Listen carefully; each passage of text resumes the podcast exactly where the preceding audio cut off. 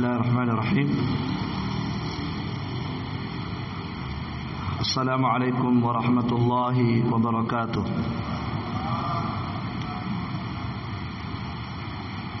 إن الحمد لله نحمده ونستعينه ونستغفره ونعوذ بالله من شرور أنفسنا وسيئات أعمالنا من يهده الله فلا مضل له ومن يضلل فلا هادي له. أشهد أن لا إله إلا الله وحده لا شريك له. وأشهد أن محمدا عبده ورسوله صلى الله عليه وعلى آله وأصحابه وسلم تسليما كثيرا. أما بعد Hadirin kaum muslimin dan muslimat yang dimuliakan oleh Allah Subhanahu wa taala. Alhamdulillah pada sore hari ini kita senantiasa memuji Allah Subhanahu wa taala dan tidak henti-hentinya kita bersyukur atas limpahan nikmat yang begitu banyak dari Allah Rabbul Alamin yang kita selaku hamba tidak akan mungkin bisa untuk menghitung nikmat Allah Subhanahu wa taala apalagi untuk mensyukuri seluruhnya. Dan jamaah sekalian yang dimuliakan oleh Allah Subhanahu wa taala di antara nikmat yang sangat berharga dalam kehidupan kita adalah nikmat keamanan. Saat ini alhamdulillah di tempat kita ini terkhusus di Desa Panciro kita diberi nikmat besar oleh Allah Subhanahu wa taala berupa nikmat keamanan. Nabi sallallahu alaihi wa ala alihi wasallam telah mengingatkan akan besarnya nikmat ini dalam sebuah hadis yang diriwayatkan oleh Al-Imam Al-Bukhari dalam kitab Al-Adabul Mufrad. Nabi sallallahu alaihi wa ala alihi wasallam bersabda, "Man asbaha minkum aminan fi sirbihi, mu'afan fi jasadihi, indahu qutu yawmihi, faka'annama hizat lahu ad-dunya bihadafiriha." Kata Nabi sallallahu alaihi wasallam, siapa di antara kalian yang diberi keamanan oleh Allah Subhanahu wa taala di lingkungannya fi sirbihi sirb di sini ditafsirkan oleh beberapa ulama hadis ada yang menafsirkan di rumahnya ada yang menafsirkan di jalan yang biasa dia lewati ada yang menafsirkan di tempat-tempat ibadah yang dia bisa beribadah di situ. Seluruh penafsiran ulama tidak bertentangan. Seluruhnya masuk dalam makna sirbun. Jadi Nabi sallallahu alaihi wasallam ingatkan bahwa siapa di antara kalian yang diberikan keamanan oleh Allah Subhanahu wa taala di lingkungan dia di rumahnya aman, tidak ada goncangan. Dia bisa tidur dengan nyenyak. Dia bisa bersendau gurau dengan istri dan anak-anaknya. Sementara di tempat lain kita melihat ada orang yang sudah kehilangan rumah. Ada orang yang ada rumahnya tetapi di dalamnya dipenuhi dengan ketakutan, takut keluar rumah. Alhamdulillah Allah Subhanahu wa taala memberikan keamanan di rumah-rumah kita. Allah Subhanahu wa taala memberikan keamanan di jalanan yang kita lewati. Kita bebas beraktivitas, berkendaraan, naik mobil, naik motor, tidak ada masalah. Alhamdulillah. Demikian pula di tempat-tempat ibadah saat ini kita dikumpulkan oleh Allah di rumah yang mulia ini, di tempat yang paling terbaik di atas bumi Allah dalam keadaan aman. Kita solat bisa khusyuk, tidak ada ketakutan. Maka Nabi ingatkan kepada kita, siapa di antara kalian yang diberikan keamanan oleh Allah Subhanahu wa taala di hari itu. Kemudian menyusul nikmat berikutnya, mu'afan fi jasadihi. Kemudian jasadnya, tubuhnya disehatkan oleh Allah. Kesehatan merupakan nikmat besar juga. Disehatkan tubuhnya oleh Allah di hari itu Sebab apa gunanya aman kalau toh akhirnya kita sakit-sakitan? Sama saja. Tetapi di hari itu Allah Subhanahu wa taala memberikan kepadanya muaf, kesehatan pada jasadnya.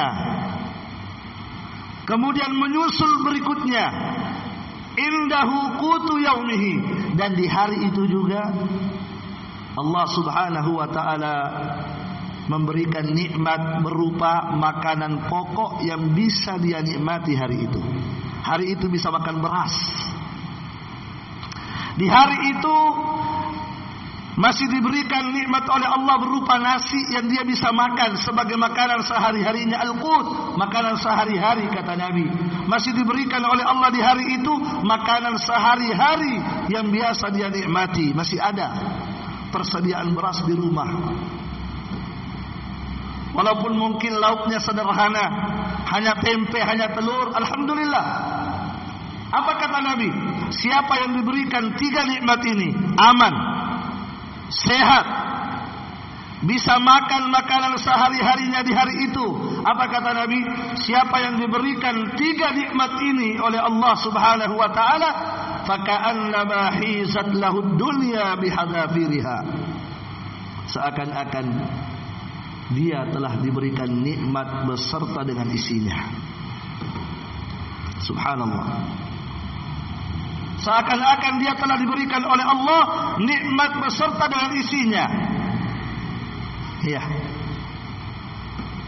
Sebab seandainya Allah Subhanahu wa taala tidak memberikan ketiga-tiganya, apa gunanya seluruhnya? Diberikan keamanan tetapi tidak sehat. Diberikan kesehatan tapi tidak aman. Diberikan keamanan, diberikan kesehatan tapi diuji dengan kelaparan. Maka siapa yang mendapatkan tiga nikmat ini Sungguh dia telah diberikan nikmat dunia yang begitu luar biasa Jemaah sekalian yang dimuliakan oleh Allah subhanahu wa ta'ala Maka keamanan ini merupakan nikmat yang sangat-sangat luar biasa dari Allah. Dan tidak ada yang bisa merasakan nikmatnya keamanan kecuali dia sudah pernah merasakan yang namanya musibah. Seseorang itu kadang baru merasakan berharga sebuah nikmat kalau dia sudah merasakan lawannya nikmat itu. Orang baru bisa merasakan nikmatnya sehat kalau sudah sakit. Seorang baru merasakan nikmatnya keamanan kalau dia sudah pernah diuji dengan gempa bumi, baru dia rasakan itu. Seorang baru merasakan nikmatnya penglihatan ketika dia sudah pernah buta. Kadang manusia itu baru merasakan sebuah nikmat kalau diuji dengan kesulitan. Cuma sekalian yang dimuliakan oleh Allah Subhanahu wa taala. Maka keamanan ini luar biasa. Dan ketahuilah jamaah sekalian. Sebuah keamanan atau sebuah nikmat yang Allah berikan kepada seorang hamba itu sewaktu-waktu bisa diambil oleh Allah. Sekejap sebuah nikmat yang telah Allah berikan kepada seorang hamba itu mudah bagi Allah untuk mencabut kembali nikmat itu. Mengambil kembali nikmat itu. Dalam waktu sekejap nikmat itu bisa dihilangkan oleh Allah Subhanahu wa taala. Maka sabar dengan keamanan ini. Kita sekarang aman.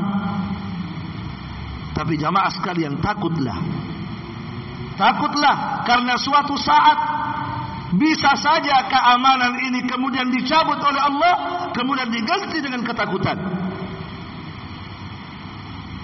Itu Allah ingatkan dalam Al-Quran. Allah ingatkan dalam Al-Quran agar kita selalu waspada, agar kita selalu takut kepada Allah dan jangan pernah merasa aman dari makar Allah. Allah ingatkan kita dalam Al-Quran, Afa amina ahlul qura. Apakah penduduk negeri itu, penduduk desa itu merasa aman? Ayatiyahum ba'suna dari datangnya azab kami. Bayatan di waktu malam hari wahum naimun di saat mereka lelap dalam tidurnya. Kita tidak pernah memprediksi malam ini akan terjadi sesuatu sehingga kita tidur nyenyak tidak ada persiapan. Maka di saat itulah Allah datangkan azabnya secara tiba-tiba. Maka Allah ingatkan apakah mereka merasa aman dari azab Allah yang Allah datangkan di malam hari. Wahum naimun di saat mereka dalam keadaan tidur lelap. Bisa? Dan kita tidak tahu apa rencana Allah sementara mana yang tahu. Ya. Kita hanya berdoa memohon kepada Allah. Semoga Allah menyelamatkan negeri kita dari bala dan musibah. Itu saja yang kita lakukan. Dan nanti ada usaha-usaha yang akan kita terangkan Kemudian kata Allah, awa amina ahlul qura. Apakah penduduk kampung tersebut, penduduk desa tersebut, penduduk negeri tersebut merasa aman dari azab Allah? Ayyatiyahum ba'suna duha di waktu duha. Duha itu kapan? Di pagi hari? Di pagi hari waktu duha. Di saat matahari sudah meninggi setinggi tombak sekitar jam 7 di situ Allah Subhanahu wa taala datangkan azabnya secara tiba-tiba. Wahum yal'abun di waktu duha di saat mereka saat itu sedang bermain-main, sedang bergurau, sedang bersantai, sedang bersepeda, sedang berolahraga. Tiba-tiba datang azab di waktu duha di saat mereka bermain. Kenapa? Karena mereka tidak pernah memperkirakan akan datang azab Allah. Langsung mereka membawa sepedanya ke pantai. Bersepeda. Bersendau gurau bersama keluarga. Tiba-tiba datang azab. Kita masih ingat peristiwa di Aceh kan? Persis seperti ayat ini. Ini peringatan dari Allah Subhanahu wa taala agar seorang hamba di saat diberi nikmat oleh Allah untuk selalu mawas diri, untuk selalu menjaga nikmat Allah, jangan sampai yang nikmat itu diganti oleh Allah Subhanahu wa taala dengan azab. Jamaah sekalian yang dimuliakan oleh Allah Subhanahu wa taala. Azab bisa datang kapanpun. Kata Allah Subhanahu wa taala, "Hatta idza farihu bima utu" hingga ketika mereka sudah berada di puncak kebahagiaan, di puncak kesenangan disebabkan karena nikmat-nikmat yang Allah berikan kepada mereka, ketika mereka sudah berada di puncak kebahagiaan, apa yang terjadi kata Allah? Hatta idza farihu bima utu akhadnahum baghtah Tiba-tiba kami datangkan azab kami secara tiba-tiba. Bagta itu tiba-tiba. Tanpa ada sinyal sebelumnya. Faidahum mublisun. Maka di saat itu. Tadinya kebahagiaan berubah jadi tangisan dan putus asa. Allah ingatkan kita. Jamaah sekalian yang dimuliakan oleh Allah subhanahu wa ta'ala. Musibah demi musibah telah melanda negeri kita. Berbagai macam musibah dari Allah Subhanahu wa taala telah Allah datangkan. Untuk apa?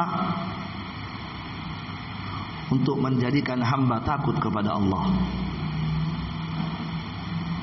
Setiap peristiwa-peristiwa yang Allah datangkan Kejadian-kejadian alam yang Allah datangkan itu Allah datangkan bukan sekadar didatangkan oleh Allah. Untuk apa? Untuk menjadikan hamba semakin takut dan kembali kepada Allah.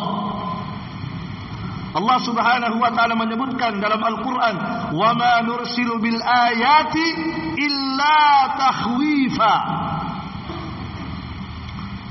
Kata Allah, tidaklah kami mendatangkan ayat-ayat kami. Ayat-ayat maksudnya tanda-tanda kebesaran Allah. Seperti tsunami, gunung meletus, banjir besar, angin yang sangat luar biasa. Apa kata Allah? Tidaklah kami mendatangkan itu semua kecuali untuk apa? Takhwif untuk menakut-nakuti hamba-hambaku. Tapi ada yang takut, ada yang tidak. Ada yang takut, ada yang tidak. Tapi tujuan Allah Subhanahu wa taala mendatangkan itu semua agar supaya hamba semakin takut kepada Allah Subhanahu wa taala. Adapun orang-orang yang hatinya baik, hatinya bersih, hatinya lembut, maka itulah yang takut kepada Allah.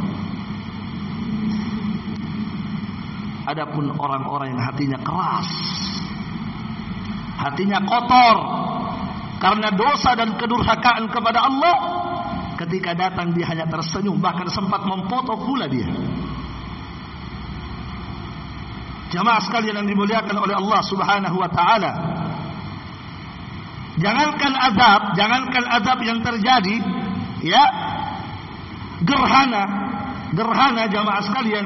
Ketika Allah mendatangkan gerhana itu sebagai tanda-tanda dari kebesaran Allah peringatan-peringatan Allah kepada umat ini. Ketika Allah mendatangkan gerhana belum ada ya gerhana. Itu pertanda itu. Pertanda. Pertanda apa? Pertanda manusia ini sudah terlalu banyak kedurhakaan kepada Allah Makanya Nabi ketika terjadi gerhana, apa yang Nabi lakukan? Nabi sangat ketakutan. Nabi ketakutan. Sampai-sampai disebutkan dalam riwayat ketika terjadi gerhana, saking takutnya Nabi sampai Nabi salah ambil baju. Ketika Nabi ketika melihat gerhana terjadi, maka Nabi segera berlari ke masjid untuk mendekatkan diri kepada Allah Subhanahu wa taala. Saking takutnya Nabi akhta'a fi ridaihi. Nabi salah ambil baju. Tidak sadar baju istrinya yang dipakai. Takutnya Rasulullah sallallahu alaihi wasallam. Iya. Padahal itu belum adab ya, itu baru pertanda sinyal-sinyal itu. Makanya ketika terjadi gerhana disuruh apa kita? Disuruh sholat. Disuruh bersedekah supaya apa? Supaya seandainya ada azab di balik itu dengan sholat kita terhindar kita, tidak jadi Allah turunkan azab. Itu takwib. Itu pertanda-pertanda dari Allah agar kita takut terhadap azab Allah Subhanahu wa taala. Jamaah sekalian yang dimuliakan oleh Allah Subhanahu wa taala. Peristiwa demi peristiwa yang terjadi bencana demi bencana yang telah berlalu jangan berlalu begitu saja. Ini poin penting bagi kaum muslimin. Jangan sekedar membiarkan berlalu begitu saja. Tapi hendaknya seorang muslim mengambil ibrah, mengambil pelajaran di balik itu apa gerangan yang terjadi, apa sebabnya, apa ya, apa hikmah. Apalagi kita tahu Allah itu sangat penyayang kepada hambanya kan? Allah sangat penyayang kepada hambanya. Ketika Nabi melihat ada seorang ibu dalam peperangan yang berkecam perang yang dah sangat dahsyat luar biasa. Ada seorang ibu di tengah peperangan berlarian mencari anaknya. Di tengah peperangan tidak peduli dengan ha? tidak peduli dengan nyawanya, tidak peduli dengan tombak dan pedang. Yang jelas dia dia uh, tidak memikirkan lagi nyawanya demi mencari anaknya. Ketika dia mendapati anaknya diambil anak itu dipeluk dan disusui. Ketika Nabi melihat pemandangan itu, Nabi memberikan pelajaran kepada sahabat Apa kata Nabi? Ata'jabuna min rahmati hadhihi liwaladiha? Apakah kalian kagum dengan besarnya kasih sayang ibu ini kepada anaknya? Luar biasa kan kasih sayangnya sampai rela dia mengorbankan nyawanya tidak takut dia. Yang penting anak saya saya harus selamatkan. Begitu anaknya didapat dipeluk dengan erat, dilindungi anaknya dengan erat, disusui anaknya. Apa kata Nabi? Nabi mengambil kesempatan di situ. Kata Nabi, apakah kalian merasa kagum dengan kasih sayang ibu ini kepada anaknya? Sahabat mengatakan, "Ya Rasulullah, kami sangat luar biasa kagumnya." Apa kata Nabi? "Lallahu arhamu bi ibadihi min rahmati hadhihi waladiha." Demi Allah, Allah jauh lebih penyayang Allah jauh lebih penyayang kepada hamba-hambanya daripada sayangnya ibu ini kepada anaknya. Subhanallah. Iya. Inna rahmati sabaqat ghadabi kata Allah. Sesungguhnya rahmatku kata Allah mendahului murkaku. Artinya apa? Ketika hamba ingin Allah ingin marah, Allah menahan marahnya menunggu hamba itu bertobat, menunggu hamba itu sadar sehingga Allah mengganti murkanya dengan rah rahmat. Lebih besar rahmat Allah kepada hambanya daripada murkanya. Namun ketika hamba tidak tahu diri, ketika hamba tidak menghargai rahmat Allah yang begitu besar, maka Allah pun murka. Maka ketika Allah murka selesai. Ya. Maka hati-hati jamaah sekalian ketika Allah mendatangkan adab itu sudah Allah murka itu. Kenapa? Sudah keterlaluan manusia. Jamaah sekalian, maka hendaklah setiap muslim mengambil pelajaran. Allah Subhanahu wa taala menyebutkan dalam Al-Qur'an Kata Allah Subhanahu wa taala, "Faka'ayyin min qaryatin ahlaknaha wa hiya zalimah." Kata Allah, betapa banyak, bukan sedikit. Betapa banyak qaryah, kampung, negeri, desa, kelurahan, qaryah, tempat yang telah kami binasakan yang telah kami hancurkan.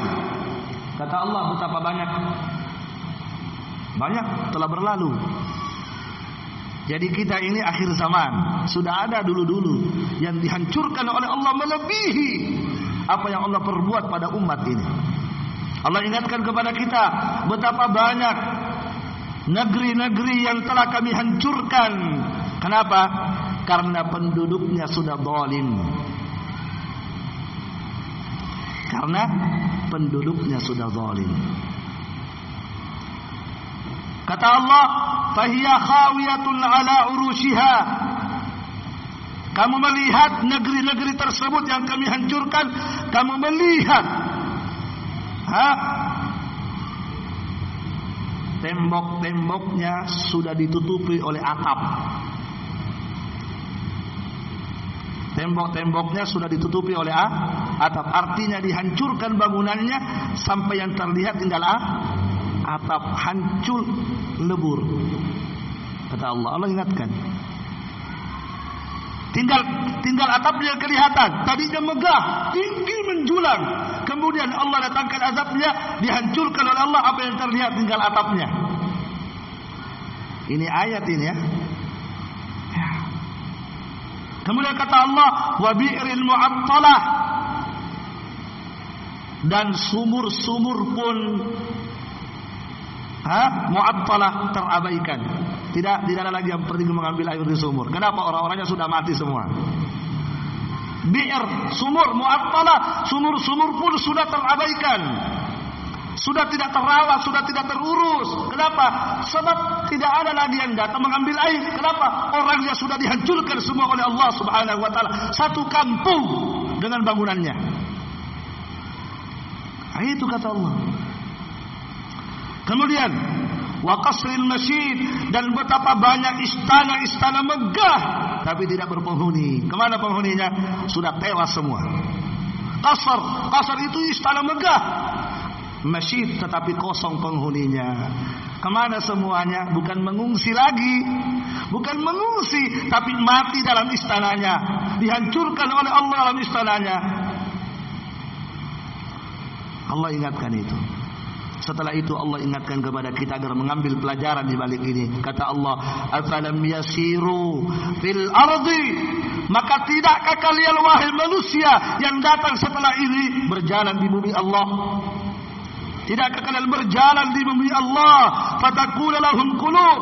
Kemudian kali kalian gunakan akal-akal kalian untuk berpikir. Jangan sekedar berjalan, Melihat ada kecelakaan, oh iya, selesai. Tidak berpikir dia, apa di balik ini? Apa kata Allah? Tidakkah kalian wahai manusia berjalan di atas bumi Allah menggunakan kulub hati-hati kalian, otak-otak kalian untuk berpikir. Ambil pelajaran kata Allah. Iya. Wa adanu yasma'una biha dan tidakkah kalian pergunakan telinga-telinga kalian untuk mendengarkan? Mendengarkan apa? Mendengarkan ayat-ayat. Gunakan telingamu itu mendengarkan ayat-ayat Allah apa gerangan yang terjadi? Dengarkan ayat-ayat Allah berita-berita Allah dalam Al-Quran. Kenapa Allah mendatangkan itu semua? Gunakan telingamu mendengar kata Allah. Innaha la ta'mal absar. Sesungguhnya kata Allah, bukan mata mereka yang buta, matanya melihat, bukan matamu yang buta. Kalian melihat itu peristiwa, mata kalian melotot melihatnya, tapi bukan matamu yang buta. Apanya yang buta? Walakin ta'mal qulub allati fis sudur. Tapi yang buta adalah hati yang ada dalam dadamu yang buta. Itu yang mati itu. Sehingga apa? Sehingga tidak pernah mengambil peristiwa, mengambil pelajaran dari peristiwa demi peristiwa yang terjadi. Kenapa? Karena bukan matanya yang buta kata Allah, tapi hati yang ada dalam dada yang buta. Itu yang tidak bisa melihat sudah. Sudah buta betul. Sudah berkarat betul sehingga sulit sudah untuk dikasih oli pun tidak bisa. Karatnya luar biasa.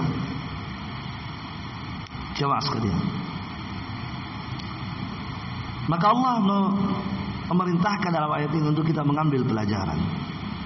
Apa sih sebenarnya gerangan yang terjadi? Apa sih sebenarnya sebab sehingga Allah mendatangkan bencana demi bencana? Seperti yang disebutkan oleh Bapak Desa kita tadi. Sebagian manusia ketika terjadi bencana hanya mengaitkan dengan peristiwa alam ya. Oh ini terjadi karena lempengan, ini terjadi karena ini Islam tidak pernah mengingkari yang namanya sebab akibat. Betul, itu sebab. Tapi ketahuilah Allah Subhanahu wa taala mendatangkan itu semua bukan sekedar mendatangkan sebab kita sudah tahu tadi kan rahmat Allah luar biasa kan? Tapi kenapa rahmat Allah berupa menjadi azab? Itu bukan main-main. Ada sesuatu di balik itu. Ada sebab-sebab kenapa Allah Subhanahu wa taala mendatangkan azab itu. Nah, ini yang harus kita pelajari. Apa sih sebenarnya sebabnya itu? Kenapa sih di negeri ini kemudian Allah datangkan banjir? Itu tidak mungkin tidak ada sebab, ada sebab itu. Kenapa sih di negeri ini Allah datangkan tsunami? Kenapa sih di negeri ini Allah datangkan puting beliung? angin yang begitu dahsyat menghancurkan semua rumah yang ada. Kenapa sih? Kenapa sih? Itu ada sebab. Tidak mungkin tidak. Ini akidah kita sebagai umat Islam. Ada sebab. Apa sebabnya? Apa sebabnya? Sebabnya Allah yang terangkan. Allah yang mendatangkan azab dan Allah sendiri yang menjelaskan kenapa saya datangkan. Iya. Maka kita tidak perlu mencari berita dari luar.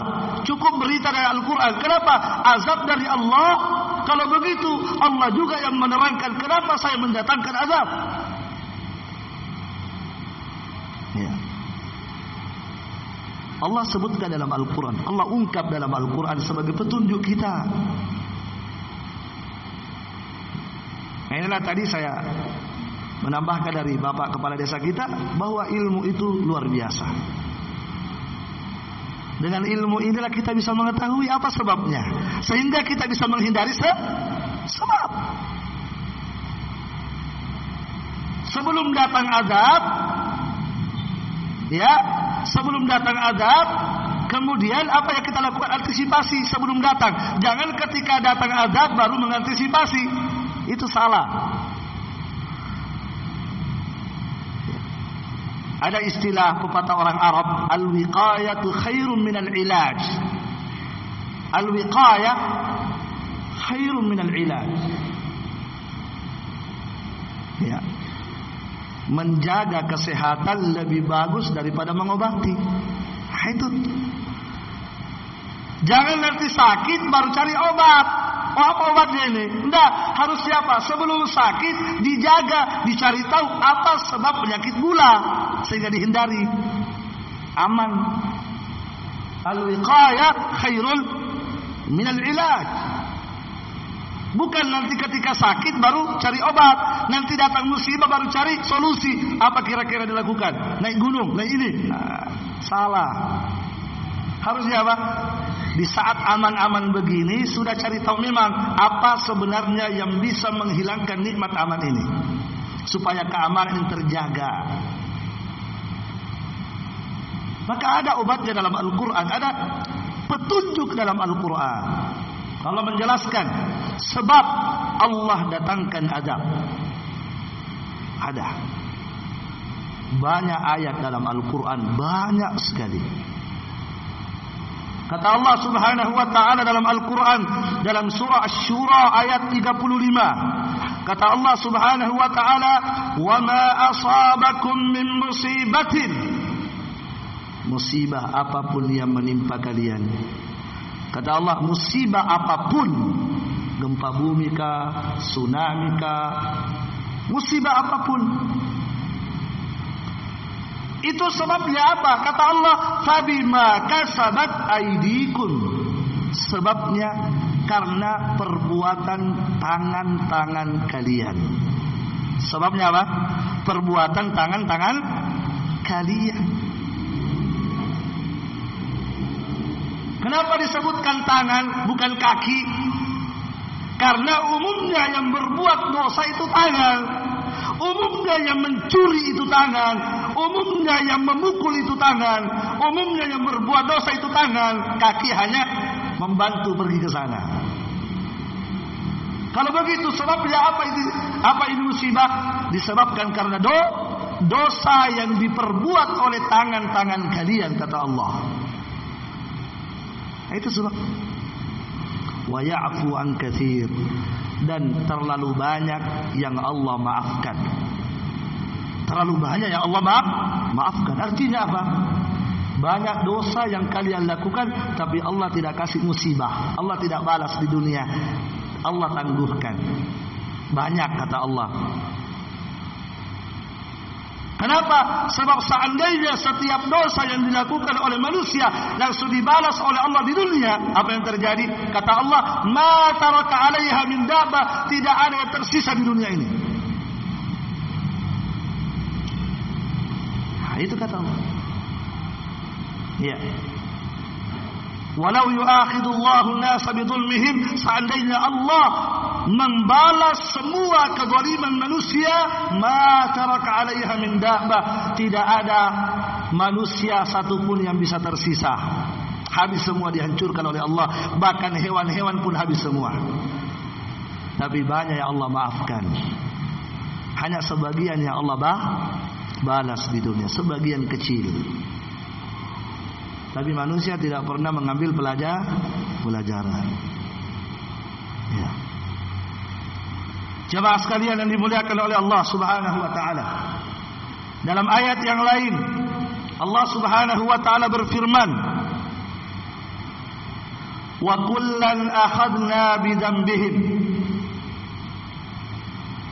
Seluruhnya Seluruhnya siapa?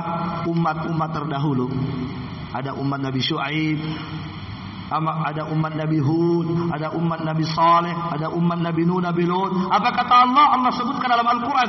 Fakullan seluruhnya, semuanya. Akhadna kami telah azab. Karena apa? Karena dosa-dosa mereka. Ya.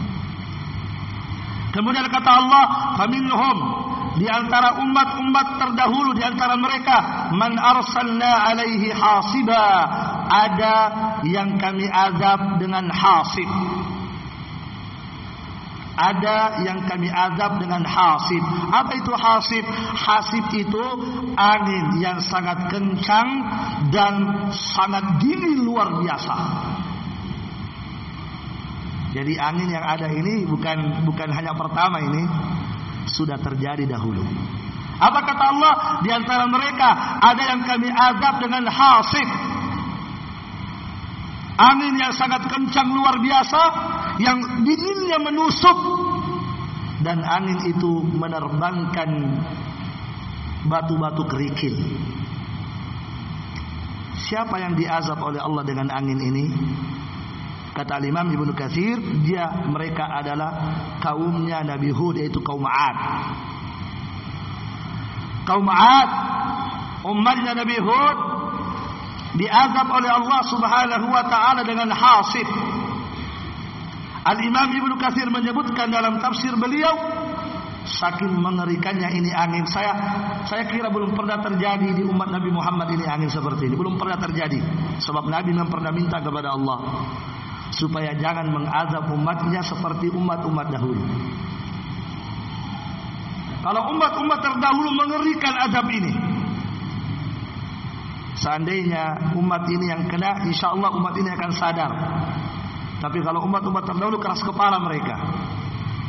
Jamaah sekalian, Al Imam Ibnu Katsir menyebutkan dalam tafsirnya, ya kaum Hud, kaumnya Nabi Nabi Hud, kaum 'Ad, mereka diazab oleh Allah Subhanahu wa taala dengan angin yang hasib ini, angin yang sangat kencang dan sangat dingin. Apa kesalahan mereka? Kata Ibnu Katsir, qalu man asyaddu minna quwwah. Mereka berkata, siapa yang lebih kuat dari kami? Kesombongan.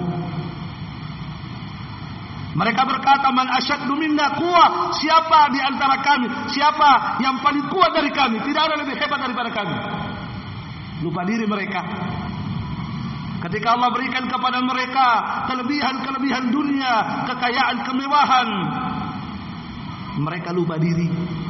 Apa kata mereka? Siapa di antara kami yang lebih kuat? Tidak ada. Kami yang paling kuat. Ditambah dosa-dosa yang lain maka Allah turunkan hasib. Kata Al-Imam Ibnu Katsir rahimahullahu taala, hasib ini ya itu tayyib membawa batu-batu artinya mener, ketika dia bertiup maka semua batu-batu kerikil itu ikut terbang. Kata Al-Imam Ibnu Katsir faturfa'ur rajulu minhum minal ardi ila ananis sama sampai saking kuatnya angin ini saking dahsyatnya tiupannya ditambah dingin ada di antara mereka yang diterbangkan sampai ke atas langit. Tinggi sekali. Masya Allah ada di antara kita yang begitu? Tidak ada. Paling seng yang terbang ya kan ini tidak bukan rumahnya, bukan orangnya diangkat oleh Allah, diterbangkan oleh langit, eh, diterbangkan oleh apa? Angin tentara Allah ini. Angin marah, diangkat dia kata Ibnu Katsir ketika sampai ke atas, sampai sampai anak-anak sama hampir eh, menggapai langit, kemudian Allah hempaskan ke bawah. Allah hempaskan ke bawah kata Ibnu Katsir, kemudian yang sampai di bawah summa tungkisuhu ala ummi ra'sihi. Ketika dia sampai membawa apa yang dulu sampai? Kepalanya. Antum saja kalau kita lompat dari lantai satu ke bawah kepala duluan sampai apa yang terjadi? Bonyok antum. Ini dan ini diangkat ke atas ila ananis sama sampai ke langit hampir mencapai langit. Kemudian Allah hempaskan ke bawah yang sampai duluan adalah kepalanya. Dahuhu apa yang terjadi? Hancur lebur kepala itu. Fayabqa badanan bila ras. Maka tinggallah badan tanpa kepala. Putus. Itu yang terjadi. Ya. Ini kaumnya Nabi? Nabi Hud Kemudian kata Allah dalam Al-Quran tadi, wa minhum man akhadathum di antara umat-umat terdahulu yang kami azab karena dosa-dosa mereka, ada yang kami azab dengan as-sayhah. As-sayhah itu sejenis teriakan atau suara keras yang menakutkan dari langit. Suara keras yang menakutkan dari langit. Entah suara apa, wallahu a'lam. Yang orang yang ada yang sebagian ustadz kita uh, menyebutkan nanti di apa di bulan Ramadan akan ada suara katanya. Ya kan? Wallahu a'lam.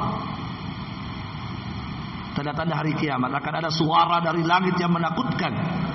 Wallahu a'lam.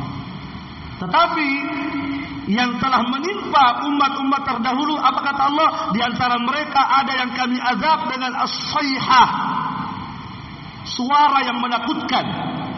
Sampai kata sampai kata Imam Al-Qurtubi saking menakutkannya itu suara sampai orang yang mendengarnya saat itu al-qalb taqatta'at. Al-qalb ini hati yang ada di dalam itu terbelah-belah terpotong-potong mati dia Kenapa? Sampai tembus ke dalam itu suara, sampai tembus ke dada. Siapa yang terkena azab ini? Kata Imam Ibnu Katsir, yang terkena azab ini adalah kaumnya Nabi Saleh. Kaum Samud. Dan kaumnya Nabi Saleh ini kaum yang naudzubillah Naudzubillah saking kurang ajar sekali kepada Allah. Saking kurang ajarnya kepada Allah. Ketika Allah Subhanahu wa taala mendatangkan naqah, mendatangkan unta sebagai mukjizat bagi Nabi Saleh kan? Apa kata Nabi Saleh? Ini unta dari Allah. Hadhihi naqatullah. Ini adalah unta Allah. Nabi Saleh ingatkan, ini untanya Allah ya fadaruha ta'kul fi ardillah. Biarkan dia makan di bumi Allah. Biarkan. Wala tamassuha bisu. Jangan pernah kalian ganggu. Jangan ganggu. Kalau kalian ganggu ini unta Allah fayakhudzakum adabun alim. Maka Allah akan menimpakan kepada kalian adab yang sangat pedih. Nabi Saleh sudah ingatkan. Ini unta Allah ya ini. Jangan ganggu ya. Hati-hati kalian. Tapi apa yang mereka lakukan mereka justru berkumpul ramai-ramai bermusyawarah memutuskan bahwa onta itu kita tangkap kemudian kita sembeli. Coba. Fa'aqaruha kata Allah ternyata mereka menyembeli itu onta. Setelah mereka sembeli bukannya takut kepada Allah. Bukannya sadar dan bertobat kepada Allah, tapi apa mereka katakan? Mereka berkata setelah mereka sembeli, I'tina bima ta'iduna in kunta minas sadiqin. Ya Saleh, wahai Saleh. Datangkan kepada kami azab Allah itu. Mana itu? Coba, naudzubillah. Pernah dapat orang seperti ini di, di umat Nabi Muhammad belum pernah ya? Alhamdulillah. Umat-umat terdahulu itu seperti itu keras kepala luar biasa. Nyata-nyata sudah diperingati, bukan lagi ustadz yang bilang, jangki begini pak, jangki begini. Langsung Nabi yang peringati coba. Langsung Nabi Soleh. Apa kata Nabi Soleh? Ini onta Allah ya. Jangan diganggu ya, biarkan dia makan sendiri. Kalau kamu ganggu, azab Allah menimpa kamu. Apa mereka lakukan? Mereka sembeli. Setelah mereka sembeli, apa kata Allah? Apa kata mereka? Soleh. I'tina datangkan kepada kami. Bima ta'iduna. Apa yang kamu katakan itu sebagai azab Allah. Jika betul-betul kamu Nabi. Coba datangkan. Allah sangat murka kepada mereka. Kemurkaan Allah luar biasa sampai Allah mendatangkan azab. Berapa azab yang Allah berikan kepada mereka? Tiga azab. Dalam waktu bersamaan. Apa azab yang pertama? Kata Allah, fa'akhadathumur rajfah. Akibat kekurang ajaran mereka Allah Subhanahu wa taala mendatangkan gempa bumi kepada mereka. Rajfah gempa bumi. Di waktu yang sama di waktu yang sama gempa bumi di waktu yang sama ada apa dari langit? Ada teriakan-teriakan keras dari langit yang membuat hati-hati mereka apa? Terpotong-potong kemudian di waktu yang sama ada sa'iqah ada petir.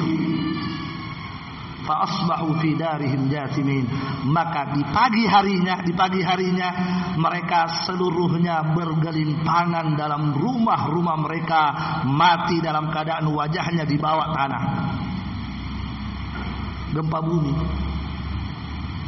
Gempa bumi campur apa tambah suara yang mengerikan dari langit sampai pet, petir yang menggosongkan badan-badan mereka naudzubillah ini peringatan dari Allah. Kemudian kata Allah, "Wa minhum" di antara mereka man khasabna bihil arda, ada yang kami tenggelamkan di bumi, bukan lagi gempa, bukan lagi gempa ya. Kalau gempa itu kan masih di atas mereka mati. Ini tidak khasabna, kami tenggelamkan. Mungkin mirip-mirip di Palu. Mirip-mirip. Di faksi itu kan. Bukan lagi gempa, orang masuk ke dalam tanah ini. Ini jamaah sekalian tidak seberapa dibandingkan dengan azab dahulu. Apa kata Allah? Di antara mereka ada yang kami azab dengan khasabna bihil arda. Kami tenggelamkan ke dalam dasar bumi. Siapa dia? Qarun. Oh. Waminhum man agrakna di antara mereka ada yang kami azab dengan banjir sehingga kami tenggelamkan mereka semua. Siapa dia? Umat Nabi Nuh. Wama kana Allah liyadhlimahum walakin kanu anfusahum yadhlimun. Itu semua Allah datangkan bukan mendzalimi mereka, tapi mereka sendiri yang mendzalimi diri-diri mereka. Ambil pelajaran. Jamaah sekalian yang dimuliakan oleh Allah subhanahu wa ta'ala waktu kita terbatas jadi masih banyak ayat-ayat ya Cukup dua ayat yang saya bacakan tadi atau tiga ayat itu sudah sangat cukup bagi kita menjadi keyakinan bagi kita bahwa apa pun musibah yang Allah datangkan di dunia ini itu karena do dosa bukan karena yang lain. Jemaah sekalian, barakallahu fikum. Di antara dosa-dosa yang harus kita antisipasi, ini dosa. Yang jelas semua dosa mengundang azab, tapi ada dosa yang berbahaya. Yang pertama, kesyirikan. Hati-hati. Kalau di sebuah desa penduduknya sudah berlumuran dengan kotoran syirik, hati-hati. Hati-hati. Ini dosa yang paling cepat mengundang adab. Dan tidak pernah Allah murka semurka orang yang melakukan kesyirikan. Allah Subhanahu wa taala berfirman, "Alladzina amanu," orang-orang yang beriman, "wa lam yalbisu imanahum bidzulmin" dan tidak mengotori keimanannya dengan kesyirikan. Orang-orang yang beriman dan tidak mengotori keimanannya dengan kesyirikan, ulaika lahumul amnu, mereka itulah yang akan mendapatkan keamanan. Itu kata Allah. Mereka itulah yang akan mendapatkan keamanan. Artinya apa? Kalau ada orang mengotori keimanannya dengan kesyirikan, maka Alhamdulillah dapat waktu 20 menit. Alhamdulillah. Apa kata Allah? Kalau mereka beriman dan mengotori keimanannya dengan kesyirikan, beriman, syahadat asyhadu an la ilaha illallah asyhadu anna muhammadar rasulullah. Salat puasa tetapi setelah selesai salat di luar dari masjid ke kuburan. Apa yang dilakukan di kuburan? Bawa kambing. Apa kambingnya disembeli. Untuk siapa? Untuk orang yang dikatakan wali Andre Guruta. Syirik. Naudzubillah. Kenapa? Sebab sembelihan adalah ibadah kurban adalah ibadah. Qul inna salati wa nusuki wa mahyaya wa mamati lillah. hanya untuk Allah. Kapan kurban ini dipersembahkan untuk penghuni pohon atau penghuni danau atau penghuni laut, kepala kerbau dibawa ke pinggir laut untuk persembahan kepada Nyi Roro atau semisalnya syirik. Apa kata Allah? Siapa yang beriman dan menodai keimanannya dengan kesyirikan, mereka itulah yang tidak akan mendapatkan keamanan dari Allah, tidak akan mendapatkan keamanan.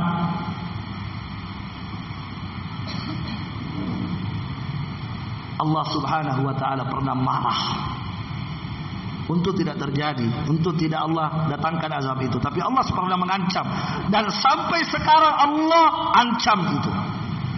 Allah sebutkan dalam Al-Quran ancamannya, tapi Alhamdulillah tidak terjadi. Tapi Allah ancam. Ketika mereka melakukan kesyirikan kepada Allah,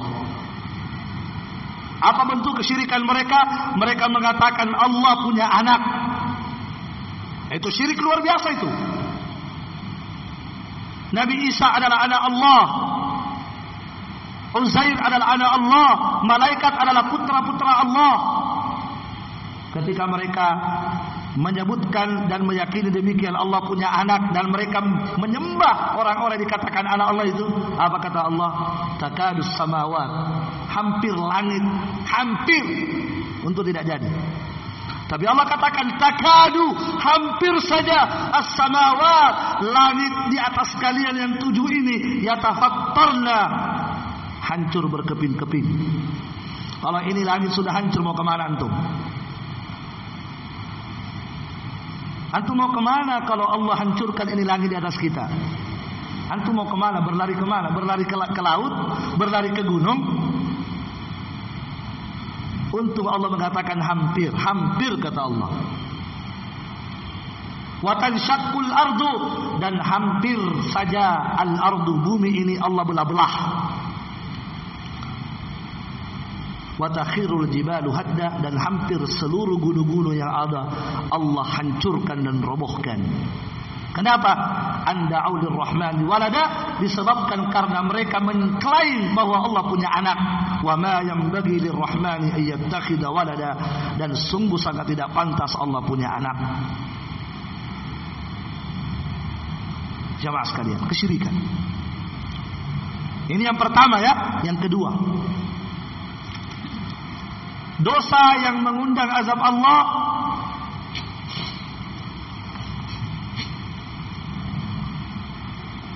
adalah ketika penduduk negeri itu tidak lagi bersyukur kepada Allah. Tidak lagi bersyukur atas nikmat yang begitu banyak. Penduduk negeri itu sudah kufur terhadap nikmat Allah. Tidak bersyukur terhadap nikmat Allah. Maka tunggu adab. Kata Allah Subhanahu wa taala dalam Al-Qur'anul Karim, "Ma yaf'alu Allah bi'adzabikum in syakartum." Kata Allah, Allah tidak akan mengadab kalian jika kalian bersyukur. Itu kata Allah. Selama kalian masih bersyukur kepada Allah, maka Allah tidak akan mengadab kalian.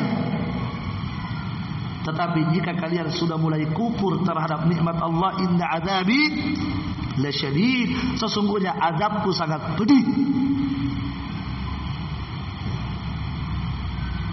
Kata Allah Subhanahu wa taala, "Wa daraballahu mathalan qaryatan kanat aminah." Allah memberikan perumpamaan kepada kalian. Kata Allah, Allah memberikan perumpamaan kepada kalian wahai umat Islam. Apa perumpamaan itu? Sebuah karya, sebuah desa. Kata Allah, dulu ada sebuah desa. Tadi desa apa namanya? Tapi Allah sebutkan ada sebuah desa dulu, kanat aminah, dulunya aman tentram. Aminatan kanat dulu aman, mutmainnah, tenang semua penduduknya, tenang sejahtera. Ya'tiha rizquha ragadan min kulli makan. Rezeki melimpah datang kepada mereka dari segala arah. Dari laut rezeki melimpah, dari bawah rezeki melimpah, dari langit rezeki melimpah dari segala arah. Rezeki datang kepada mereka kata Allah. Tetapi apa yang terjadi? Penduduknya bagaimana? Fakafarat bi an'umillah. Ternyata penduduknya kufur terhadap nikmat Allah tadi. Rezeki yang begitu banyak mereka tidak syukuri. Digunakan paboto, digunakan minum ballo, digunakan minum perempuan, Rezeki-rezeki Allah tadi yang begitu melimpah tidak digunakan beribadah kepada Allah, tidak disyukuri nikmat itu, digunakan untuk hal-hal yang dimurkai oleh Allah. Apa yang terjadi? Fakafarat bi an'umillah fa'adzaqaha Allah, maka Allah mengganti dengan apa? Libasal ju pakaian kelaparan. Allah katakan pakaian kelaparan, artinya kelaparan sudah seperti pakaian. Naudzubillah saking laparnya mereka kan saking dahsyatnya kelaparan yang menimpa mereka sampai Allah bahasakan libas pakaian kelaparan. Padahal dulu apa? Rezeki datang dari arah semua arah. Apa sebabnya mereka diazab oleh Allah dengan alju wal khauf dan ketakutan karena kafarat bi an'umillah karena mereka ingkar terhadap nikmat Allah. Kufur tidak bersyukur. Hati-hati. Dan ingat Allah sudah mengatakan yang bersyukur itu sedih sedikit wa qalilun min ibadiyah syukur. Makanya azab Allah banyak turun. Kenapa? Karena yang bersyukur sedikit, yang banyak kufur terhadap nikmat Allah. Kufur. Ingat di antara bentuk ingkar nikmat Allah ketika seseorang mendapatkan nikmat kemudian dia menisbahkan nikmat itu kepada dirinya. Itu kufur namanya. Ketika dia mendapatkan kelebihan-kelebihan dari Allah nikmat-nikmat dari Allah apa kata dia? Memang saya ini orang pintar kok. Ah, hati-hati. Ini banyak ini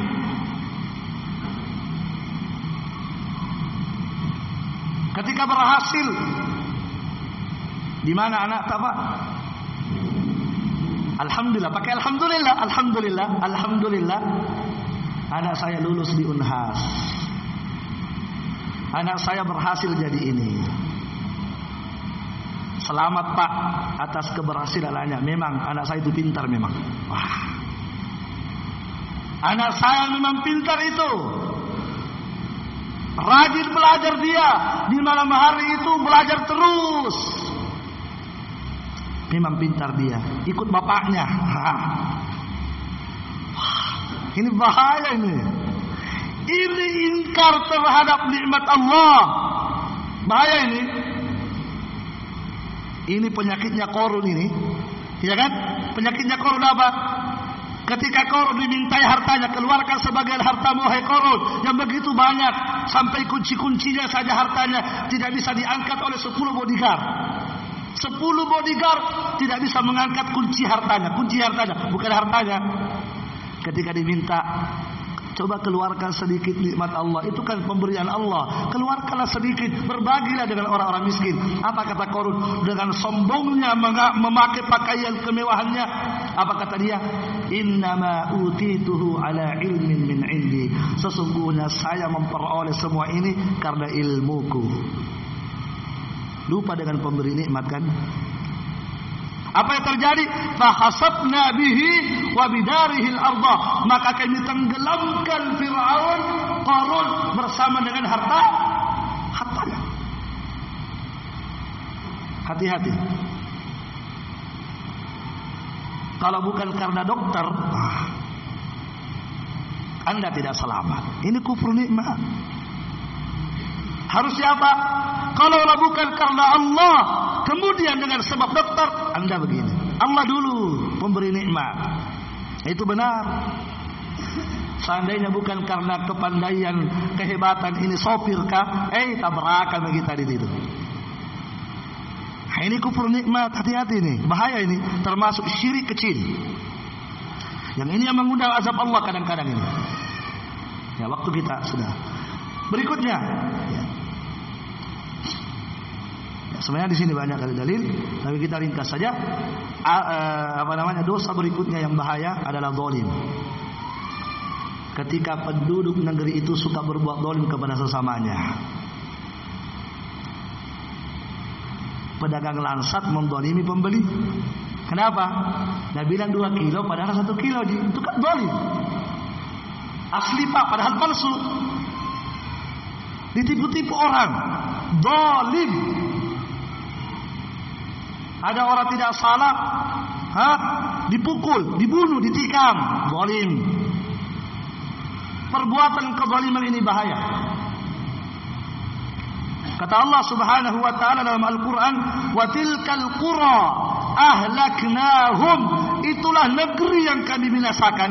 Tilkal qura itu adalah negeri ahlaknahum kami binasakan mereka. Sebabnya apa? Lamma zalamu tatkala mereka seluruhnya zalim. Kami binasakan mereka. Kenapa? Tatkala mereka sudah zalim. Dan Nabi pernah mengatakan, "Ma min dzambin ajdar," tidak ada dosa. Tidak ada dosa yang lebih segera dibalas oleh Allah di dunia, segera dibalas oleh Allah di dunia, tetapi tetap ada balasannya di akhirat dari dua dosa. Apa itu? Al-baghyu, kezaliman, kesewenang-wenangan kepada sesama manusia. Yang kedua, waqati'atur rahim, memutus tali silatur silatur rahim. Ini dosa berbahaya. Segera dibalas di di dunia. Ya, jemaah sekalian yang dimuliakan oleh Allah Subhanahu wa taala, ya, banyak sekali ya. Intinya semua dosa-dosa itu mengundang azab. Ya. Ada Nabi pernah uh, uh, semacam ceramah, ceramah-ceramah kecil, khutbah-khutbah kecil di, di depan sahabat. Nabi bilang begini, "Ya ma'syaral muhajirin, Wahai kalian para sahabat muhajirin khamsun idab tulitum bihinna. Ada lima bala. Ada lima bala. Aku memohon kepada Allah supaya lima bala tidak menimpa kalian. Tapi akan menimpa, akan terjadi. Tapi aku memohon kepada Allah supaya Allah tidak menimpakan kepada kalian. Ternyata kita yang kena. Tapi akan terjadi kata Nabi lima bala ini. Apa itu kata Nabi? Lam tadharil fahishatu fi qaumil qat tidaklah tersebar merajalela perzinahan hatta yu'linu biha. Sampai mereka terang-terangan sudah tidak malu-malu. Ini bahaya ini. Tidaklah tersebar al-fahisha perzinahan. Hatta yu'linu biha. Sampai mereka sudah terang-terangan tanpa rasa malu melakukan.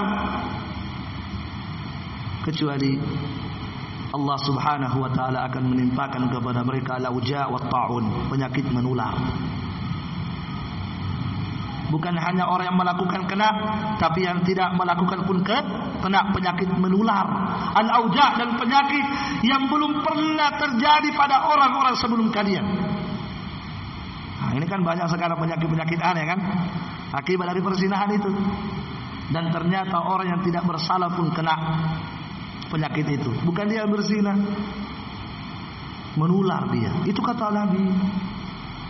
Kemudian kata Nabi sallallahu alaihi wasallam, "Walam yanqusul mikyala wal mizan." Tidaklah para pedagang mengurangi takaran dan timbangannya. Pedagang di pasar, hati-hati. Kata Nabi, tidaklah para pedagang yang kos mengurangi al-mikyal, takarannya, literannya, Literannya dikasih kepo di bawah. Iya kan? Satu liter padahal di bawah itu kepo ki. Ha. Atau ketika dia meliter tangan ibu jarinya masuk sehingga ibu jarinya bermain. Macam-macam orang sekarang. Kata Nabi tidaklah para pedagang mengurangi takaran dan timbangannya kecuali Allah akan timpakan apa? Tiga musibah yang Allah datangkan. Bayangkan, gara-gara dosa pedagang datang tiga musibah dan bencana. Yang pertama, illa ukhidu bisinin, kecuali akan ditimpakan kepada mereka musim kemarau. Lama tidak hujan. Kering semuanya. Yang kedua, syiddatil mu'na, kesulitan ekonomi. Yang ketiga, jauris sultan, kejahatan penguasa. Jadi kalau ada penguasa yang jahat, tidak perlu jauh-jauh. Cari pedagang di pasar itu. Jangan pedagangnya pergi demo. Pedagangnya pergi demo pemerintah, sementara dia penyebab datangnya pemerintah yang zalim. Anda yang harus perbaiki timbangan Anda. Coba periksa timbangan Anda. Coba periksa literal Anda. Ini wahyu dari Allah kan? Apa kata Nabi? Tidaklah pedagang berbuat seperti ini kecuali Allah datangkan penguasa yang jahat. Makanya penguasa itu juga curang. Kenapa curang? Sebab masyarakat juga curang. Itu pedagang jadi jadi penguasa, itu kan pedagang sudah terbiasa curang. Ketika dia jadi penguasa, curang juga. Makanya untuk memperbaiki penguasa bukan penguasa yang dikritik, Siapa dikritik? Masing-masing mengkritik diri sendiri. Ketika Al Hasan Al Basri diajak memberontak, di saat itu yang ber berkuasa Hajjaj bin Yusuf, penguasa yang paling kejam. Belum pernah ada penguasa yang paling kejam daripada Hajjaj. Orang sudah tidak tahan, bahkan ulama banyak banyak banyak akhirnya terbawa perasaan. Ayo kudeta dia, gulitkan dia, hancurkan dia. Al Hasan Al Basri didatangi, ayo Al Hasan tinggal kamu sendiri. Semua ulama banyak sudah ulama yang memfatwakan berontak saja. Apa kata Al Hasan Al Basri? Al Hasan Al Basri memahami tentang dalil-dalil dari Rasulullah. Apa kata Al Basri? Kalau itu adalah azab dari Allah, azab Allah tidak akan bisa diselesaikan dengan pedang azab Allah hanya bisa dihentikan dengan istighfar kepada Allah. Pulang kalian semua perbanyak istighfar kepada Allah Subhanahu taala. Jadi kita ini harus banyak bertobat kepada Allah ini. Masyarakat ini perbaiki diri, perbaiki anak. Tidak perlu jauh-jauh mengkritik di atas. Anak saja tidak pernah sholat kok. Istri saja tidak berhijab, mengkritik orang. Sementara ketika kamu nanti meninggal bukan pemerintahmu yang ditanya, yang ditanya siapa yang kamu pimpin, istrimu yang ditanya. Kenapa kamu begitu sama istrimu? Kenapa begitu sama anak-anakmu? Kan begitu kan? Jemaah sekalian, barakallahu. Ya. Kemudian kata Nabi sallallahu alaihi wasallam ada lanjutannya tapi ya, waktu kita sudah habis, sudah sudah lewat ya. Ya, jemaah sekalian, intinya intinya kesimpulannya bahwa semua musibah yang terjadi di dunia ini karena dosa. Dosa apa? Syirik, zalim, tidak bersyukur, ya zina dan seterusnya. Semua dosa berpotensi mendatangkan azab Allah Subhanahu wa taala. Kalau begitu apa solusinya? Apa solusinya supaya azab Allah itu berhenti? Supaya azab Allah itu ditarik oleh Allah kembali? Solusinya satu saja. Apa itu? Semuanya memperbanyak istighfar kepada Allah Subhanahu wa taala.